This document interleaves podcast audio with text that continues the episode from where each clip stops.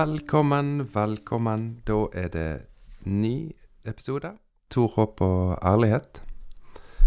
Det er så kjekt. Jeg tenker at det er et godt samarbeid. Altså, nå ligger det en ny episode klar til deg, og du har fått på deg headsetet allerede. Og ikke minst du som har på deg tursko samtidig og er på vei ut døra nå for å gå en tur sammen med meg. Det er Åh, det er kjekt å tenke på. Eh, I dag så må jeg ta et lite sånn eh, tilbakeblikk. Det har skjedd så mye de siste ukene her i eh, Tor, håp og ærlighet. Og jeg ser at eh, det må være flere som har delt eh, ulike episoder, for eh, det er virkelig vekst i antall mennesker som lytter til podkasten. Det setter jeg veldig pris på. Og som jeg har sagt før, disse meldingene og mailene som jeg får av dere med spørsmål eller innspill, jeg setter utrolig pris på det. Det er selvfølgelig kjekt med dere som bare skriver noen sånne hyggelige ord og sånn. Eh, Det er hyggelig, det òg, men jeg setter ekstra pris på eh, spørsmål eller ja, tilbakemeldinger. Det kan jo være både positivt og negativt. Det, det hjelper jo litt på på eh, retningen videre for podkasten. Men du vet, når jeg har eh, gjest i denne podkasten, så eh, så sitter jeg mest og lytter. Det har dere sikkert fått med dere. Det er jo veldig lite jeg driver og maser da. Så av og til så kjenner jeg veldig behov for å kommentere. Og det har ikke jeg gjort så mye eh, med noen av gjestene. Men nå, nå må vi ha et lite sånn eh, tilbakeblikk og kommentere et par ting. Før vi gjør det, så må jeg kommentere én ting til. Det er litt sånn kommentarmodus i dag, da. Og jeg vet ikke om du har tenkt på det noen gang, men det er en bok i Bibelen som heter Apostlenes gjerninger. Og det ser ut for at den samme personen som skrev det, den ene beretningen vi har om Jesus, den, det er et Lukas, som har fått navnet Lukas evangelium. Det ser ut som det er han som har skrevet apostlenes gjerninger, og at de to bøkene i utgangspunktet var en sånn, litt sånn enhetlig fremstilling av at eh, sånn var det når Jesus levde her. Han sa og gjorde sånne ting og fortalte sånne fortellinger og gjorde sånne gjerninger og handlinger. Og så når Jesus ikke var her på jorden lenger, så skjedde dette. Og så fortelles, forteller den samme personen om de første årene etter, etter Jesus. Og han har en veldig fin innledning til dette her, eh, hva skal vi kalle det for, et dobbeltverk. En, eh, ikke en trilogi, men en tologi. Nei, altså et, et dobbeltverk heter det vel. Uh, han har en ganske fin innledning til, til det dobbeltverket, der han skriver det til Han skriver som om han skriver hele boken til en venn eller en som han kjenner godt. Og så skriver han det at nå er jo det så mange som har prøvd å Eller som har skrevet ned alt det som har skjedd iblant oss nå de siste årene. Så derfor har også jeg bestemt meg for å skrive ned det som har skjedd. Og så har han, skriver han at han har forsøkt å samle informasjon som han kan finne om Jesus og de første årene etter Jesus, og så skrive det i en eh, fortelling. Og så sier han jeg, jeg skriver dette her for jeg vil at du skal bli overbevist om, om, det, om at dette er sant, og dette er troverdig. Og så skriver han da eh, i eh, Apostlenes gjerninger, den del to, litt uti der, jeg husker ikke helt kapittelet, men jeg tror det er 11-12, kapittel 11-12, noe rundt der. Men det vil du klare å finne ut sjøl. Men da er det et sånn stort skifte, en sånn enorm endring i tankegangen blant disse jødene som tenker at her har vi funnet en som viser oss jøder hvordan vi skal leve etter Toraen. Vi som har fått opplæring i Toraen, hele livsførselen, hele levesettet for oss jøder. Vi har sett en som vet hvordan det livet leves. Og så tenkte de De tenkte ikke én tanke på at andre folkeslag også skulle få del i det å være opplært i Toraen og være en del av, av den jødiske kulturen. For den jødiske kulturen, den var skilte seg veldig fra folk omlig, omkringliggende folkeslag, andre folkeslag. Så de var bare ikke i nærheten av å tenke det. De tenkte nok at for å kunne bli opplært i Toraen, så må du på en måte få detaljinnlæring fra du er helt liten. Sånn, det var Ingen av oss kommer noen gang til å forstå hvor uaktuelt det var at noen andre enn jødene skulle være Jesu etterfølgere. Hele deres oppdrag var på en måte å være et folkeslag som var så annerledes på en veldig god måte at andre folk skjønte at deres gud er en klok gud. De skulle være et lys for alle folkeslag osv. Men så begynner det å skje det at andre folk ikke-jøder begynner også å tro på Jesus. Og så blir de Det, de står at det blir sånn skikkelig krangel innad i gruppen.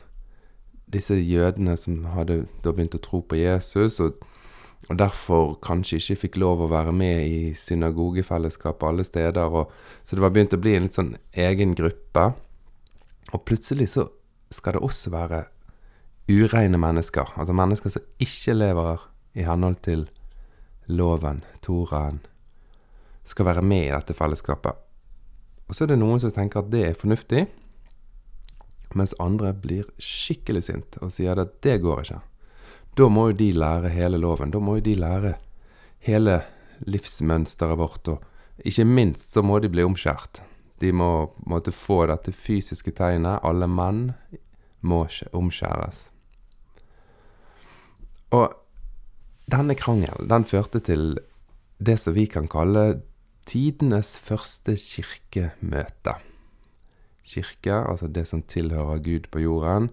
Tidenes første møte blant de som tilhører Gud på jorden. Det var sånn, sånn kan, du, kan, du, beskrive dette. Og det møtet, det omtales da i apostlenes gjerninger.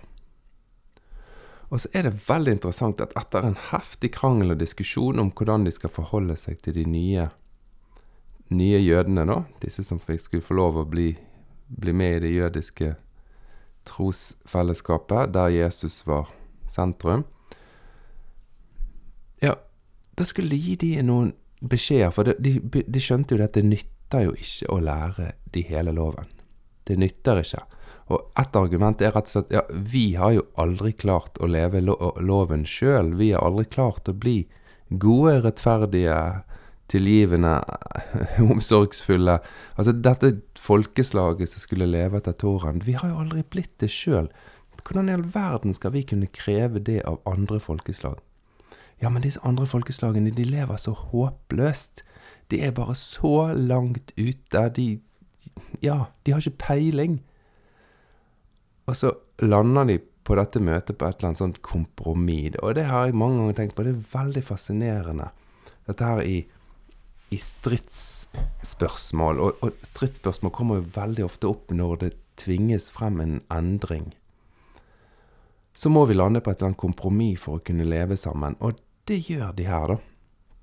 Og så har jeg tenkt på at det kompromisset, det ble på en måte grunnlaget for kristen livsførsel, da. Og det var noen ting som da OK, vi dropper omskjærelse, vi dropper hele loven, men de må lære at de ikke skal spise offerkjøtt. Og så må de lære at de aldri skal spise noe kjøtt fra dyr som er kvalt, som er, altså dyr som har dødd ved kvelning.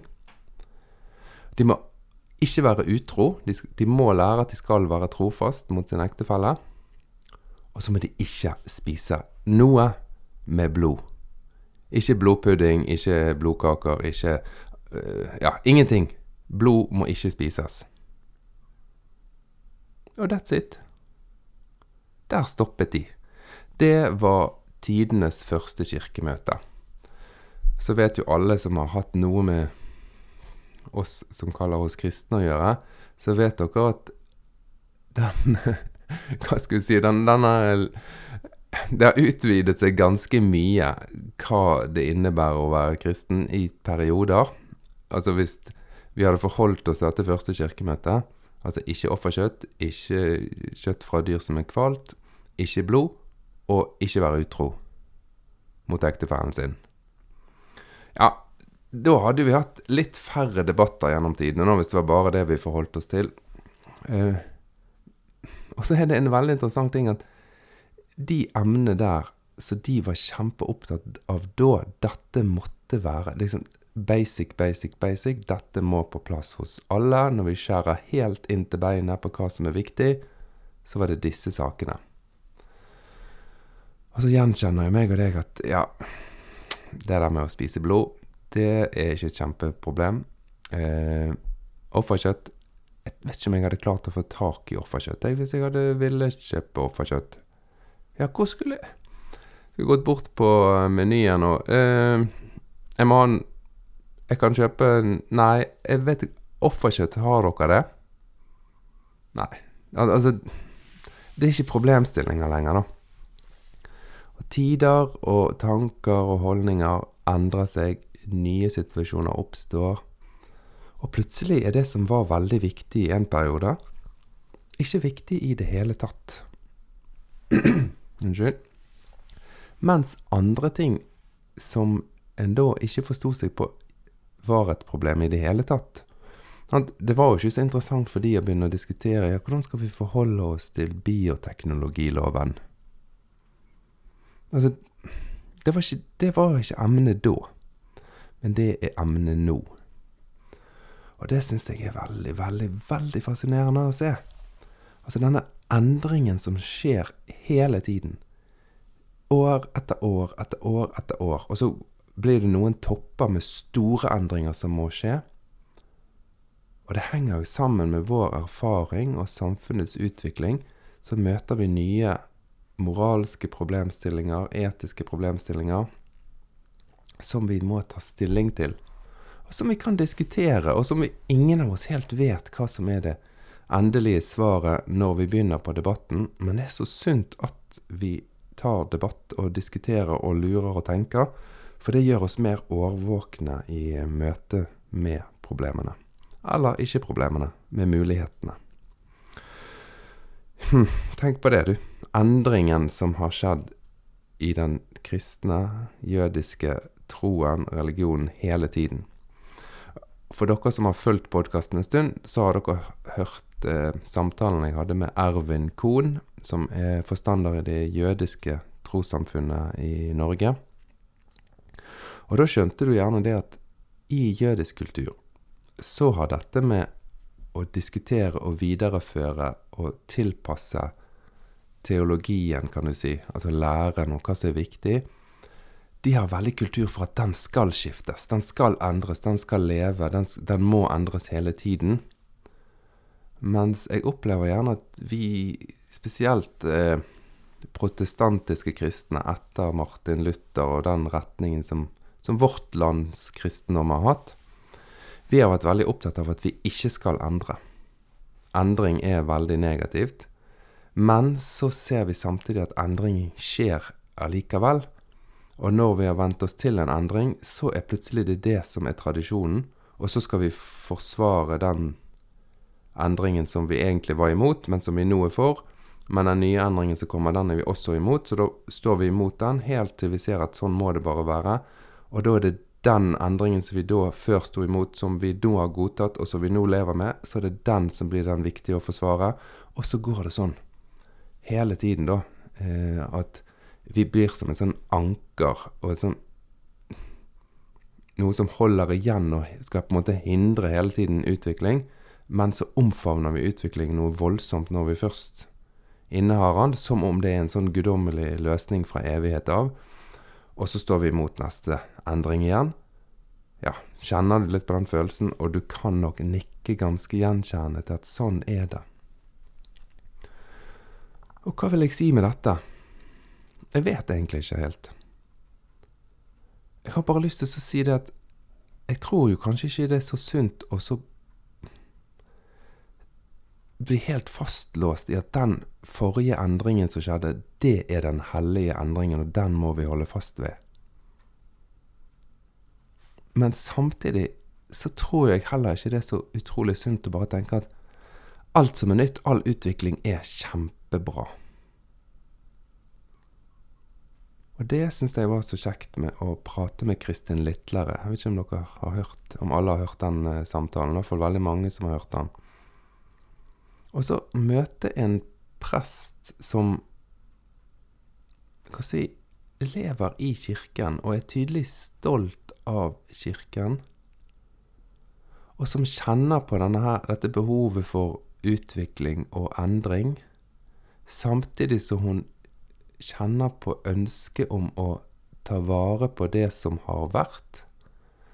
Og så er det akkurat som hun får en sånn følelse av at hun liker å leve i den det, det, er jo på en måte som å leve i et sånn spenningsfelt.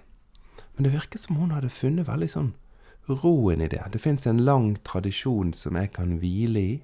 Jeg kan stole på at jeg har mottatt nåden i dåpen, og jeg kan dele fellesskapet med andre troende og delta i nattverd fordi at det er den eldste tradisjonen vi har. Samtidig som hun var veldig opptatt av at alle grupper må være involvert og inkludert i kirken. Um, og det har jo ikke vært tradisjon for i kirken. Sant? Vi har jo vært veldig opptatt av hvem er det vi kan stenge ute fra denne gruppen for å vise at vi er annerledes. Så hun må jo leve i en sånn brytning av å gå videre, men ta vare på. Respektere endring, glede seg over endring, samtidig som en respekterer tradisjonen. Og så, så syns jeg det var grådig fint, måten hun var opptatt av at kristen tro er ikke en alenesak. Det er en fellesskapssak. Satt veldig pris på den praten. Men jeg merker jo det at sånne samtaler, det gjør noe med meg. Og jeg, jeg håper jo virkelig at det gjør noe med deg òg, da. At du føler deg som en del av samtalen. Fordi at denne podkasten er jo ment som en sånn litt sånn søking etter hvordan ser kristen tro ut, og kristent liv, hvordan ser det ut i dag? Og så vet jeg at noen vil svare ja, det er bare å gå tilbake til de første kristne og så se sånn skal kristen tro seg ut. Nei, det vet meg og deg veldig godt at det holder ikke. For da går vi tilbake til kirkemøtet i apostlenes gjerninger, da, og så tenker du ja, det var jo uhyre urelevant, totalt uinteressant. Blod og offerkjøtt. Altså, hvem gidder? Ja. Og så etter jeg hadde vært med Kristin Litlere, så kom det en episode med Odny Irene Miljeteig. Og hun er jo en veldig, veldig kjær politiker her i Bergen. Og hun sier til meg, da Jeg skjønner ikke hvorfor du vil prate med meg. Jeg er jo en elendig kristen. Og det, hun sier det på en sånn herlig måte, og så, og så ekte. Og tydelig at det er ikke noe sånn falsk beskjedenhet at nå skal jeg vise at jeg ikke er en så veldig god kristen. Det var bare sånn Jeg er jo en elendig kristen. Hvorfor vil du snakke med meg? Og så fikk jo det meg selvfølgelig til å tenke videre. Hvorfor er du en elendig kristen, Odden Irene? Jo, nei, men jeg Jeg går jo ikke så grådig ofte i kirken, sier hun. nå. jeg leser ikke sånn veldig mye i Bibelen. Og, og så hadde hun begynt på et alfakurs, da, sånn at hun på en måte fikk litt sånn kristen input og kunnskap. Men hun hadde ikke så mye sånn bibelkunnskap, så hun var jo egentlig en elendig kristen. Men så vet jo jeg at hun er en politiker som har lagt hele livet sitt, rett og slett hele livet og hele karrieren sin, inn på det å hjelpe de som har det vanskeligst i samfunnet. Hun, I bergenspolitikken så er hun kjent for det at på en måte hele tiden Mennesker som har det vanskelig, grupper som har det vanskelig, enkeltfamilier som har det vanskelig. Odny Irene går i krigen for de svakeste. Du kan leite i artikler og alt du finner. Du vil se at hun til enhver tid er sånn som fighter for de som har det aller vanskeligst, de som er aller svakest. Og så er hun en elendig kristen. Fordi at han kanskje ikke går så ofte i kirken, og kanskje ikke leser så mye i Bibelen. Og så lurer jeg sånn på hvorfor tenker kristne som Odny på den måten at hun er en elendig kristen? I mitt hode, og helt sikkert du som hører på, så er det litt sånn Neimen, det er jo ikke det som gjør deg til en god eller dårlig kristen. Nei, tenker du, selvfølgelig. For, nei, det er ikke det som gjør henne til en god eller dårlig kristen. Det som gjør henne til en god kristen, det er hvis hun ikke spiser blod, ikke spiser kjøtt fra dyr som er kvalt. Nei, det tenker du heller ikke, sant? Hva er en kristen? Er kristen, er det noe en gjør? Eller er det noe en tror? Eller er det noe intellektuell kunnskap om noen skrifter? Åh, jeg leste jeg leste noe som heter Den atanasianske trosbekjennelse. Litt vanskelig ord for meg. Men det er en trosbekjennelse som har fulgt Kirken veldig, veldig lenge. Jeg lurer på om det er fra 400-500-tallet eller noe sånt. Og den trosbekjennelsen den er veldig detaljert. Altså, hvis du skal være kristen, så må du tro sånn og sånn og sånn om treenigheten. Sånn og sånn og sånn om Jesus sin blanding av menneskelighet og guddommelighet. Du må tro sånn og sånn om dåpen. Veldig sånn detaljert Sånn må du tro, for det er den rette lære.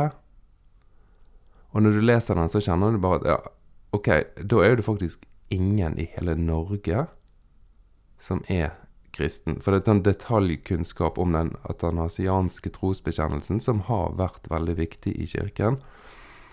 Og det å kunne si absolutt ja på hvert eneste punkt, at det er jeg hellig overbevist om, at akkurat sånn er det Jesus er og var, og sånn er treenigheten satt sammen, det er jo det ingen som kan med hånden på hjertet gjøre. Så er det tegn på at vi er elendige kristne? Intellektuell kunnskap, eh, stort hode med masse punkter om hvem Gud er, og akkurat nøyaktig detaljbeskrivelser om hvordan disse store, evige, guddommelige spørsmålene hvordan de skal besvares. Nei, jeg er jo en elendig kristen. Jeg bare kjemper for alenemødre, for asylsøkere og innvandrerfamilier som ikke har råd til et normalt og godt liv jeg bare kjemper for de svake, så jeg er jo en elendig kristen. Nei Ja. Du skjønner.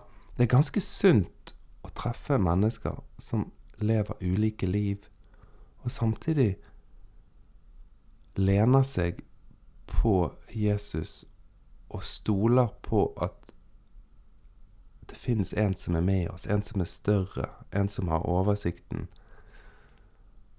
Men allikevel så tenker vi så annerledes selv og forskjellig, selv om vi har landet på at det er en trygghet i livet mitt. Og etter Odden Irene så hadde jeg en sånn eh, nettsamtale med en eh, psykolog. Det er en som heter Kai Krog. Ingen tvil om at det er en mann jeg har blitt eh, veldig glad i, og vi har pratet sammen på telefon noen ganger. Um, han har bl.a. ringt meg noen ganger og sagt at, uh, at jeg er altfor lite sint. At uh, jeg unnskylder dårlig oppførsel for andre mennesker og godtar dårlig Ja da, en sånn skikkelig korrigeringer fra Kai Krogh. Men på en smilende og latterfull måte. Nei, stygt å herme, men Åh, han er en god, god mann. Så tenkte jeg på dette her eh, verset om at det er Gud som har skapt oss til gode gjerninger som Han på forhånd har lagt ferdig for at vi skulle få lov å bare leve i de. Tenk deg på Kai, da, som bare kjente at Han sa sånn 'Jeg fikk så lyst på Amerika'. Ja, det er sikkert flere av oss som kan kjenne at du fikk litt lyst på Amerika eller lyst på Australia. Eller, men han kjenner at det, han måtte til Amerika. Han bare solgte alt han eide, og flyttet bort. Og så begynte han å jobbe med de menneskene som ingen andre ville ha noen ting med å gjøre. Og ikke bare sånn ikke ha noe med å gjøre i, i forhold til at vi tar ikke så mye kontakt, men altså En stor gruppe mennesker som rett og slett ble stengt ute. Først hadde de blitt stengt ute av sine familier. Så hadde de på en måte rømme fra sin hjemby eller bygd eller landsby. Landsby heter det vel ikke så mye i, i statene, men du skjønner. Bygd, by, hjemmeområde. De måtte rømme derfra, for de var kastet ut av familiene sine familier som i stor grad ville følge Gud og være en god kristen, og derfor så måtte de kaste ut barna sine. Og så var de barna blitt ungdommer og kom til eh, San Francisco. Og så hadde de opplevd en frigjøring i det at ja, jeg er homofil eller lesbisk eller trans men ingen rammer for familieliv og trofaste forhold, og vi fikk se en enorm oppblomstring av en aids-epidemi. Og vi som er kristne, vi mente jo at det å være god kristen da var jo å påpeke veldig tydelig at disse sykdommene har de pådratt seg sjøl, det er en straff ifra Gud. Vi vil selvfølgelig ikke akseptere i dag at det er kristen lære, men det var veldig tydelig fra oss som er kristne at de menneskene de fortjener virkelig elendighet, og de må vi bare stenge inne på rom, så ikke de påvirker noen andre eller sånn.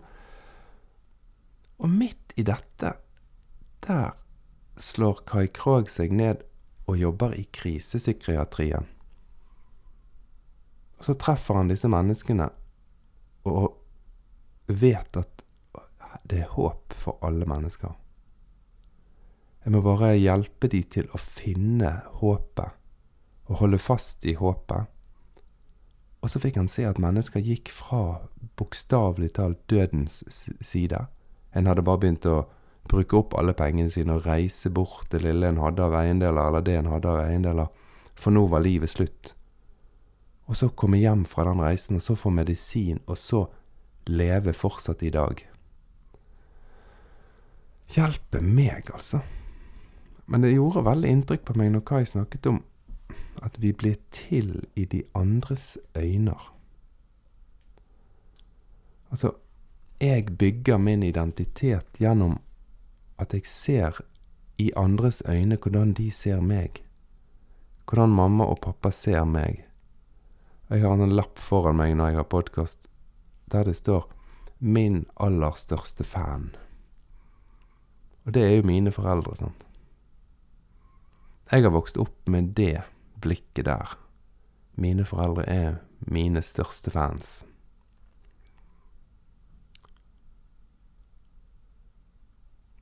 Og så når jeg hørte på Kai, da, så tenkte jeg på faktisk på Kristin Litlere. Som i ung alder bestemte seg for og kjente på at hun ville bli prest. Og så spør jeg hun om hva hun tenkte om det at kvinner egentlig ikke skulle være prest når hun vokste opp. For det var jo en veldig viktig kristen lære, at kvinner ikke skulle være prest. Og da svarte hun at det tenkte hun aldri på. Og da tenker jeg at det må jo være et godt tegn på at hun har fått lese seg sjøl på en god måte i øynene til de som har vært hennes omsorgspersoner problemstillingen er helt Og den fins det ikke inni henne. Bare trygghet på at Nei, men det kjenner jeg på at det vil jeg bli. Det vil jeg, det er meningsfullt for meg. Det opplever jeg som et kall, så jeg går den veien der. Det er et godt tegn. Og samme med Odny Irene, egentlig, da. Og jeg ser i boken hennes og i alt hun snakker, så snakker hun så fint om foreldrene sine. Hun flyttet riktignok hjemmefra nå i tolvårsalderen, som er helt vanvittig tidlig. Men den tryggheten som var bygget inn i hun gjennom de tolv viktige årene der, før ungdomstiden starter, det er klart at det har gjort hun til den hun er. Det har vært med å gjøre hun til den personen hun er.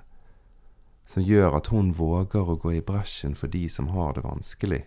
For hun tenker sjøl at hun har det så godt og har fått sånn støtte. Og har sånn backing. Det, altså det merker du når du prater med henne. Det er bygget inn en trygghet i livet.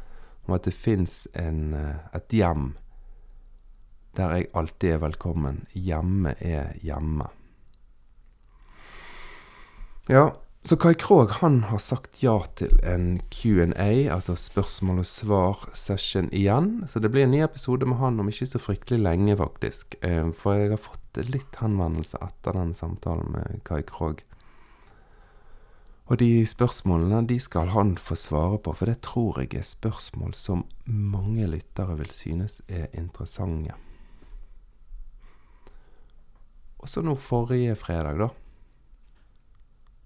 da møtte du Kåre Berge. Det er en mann jeg ikke hadde møtt før den gangen jeg traff han i, på opptaket til podkasten. Og jeg kjente at jeg ble veldig glad i han. Jeg har lest eh, noen artikler som han har skrevet opp gjennom årene, så jeg har jo hengt litt med på hvor han er, og hva han står for. Men det å så møte en som jeg merker har en enorm sånn ærlighet over seg. Det er ikke så lett. Det skulle nesten Åh, du, du skulle vært der under opptaket. For du får jo ikke helt samme inntrykk bare av å høre. Men han er en ærlig mann. Det er jeg helt sikker på.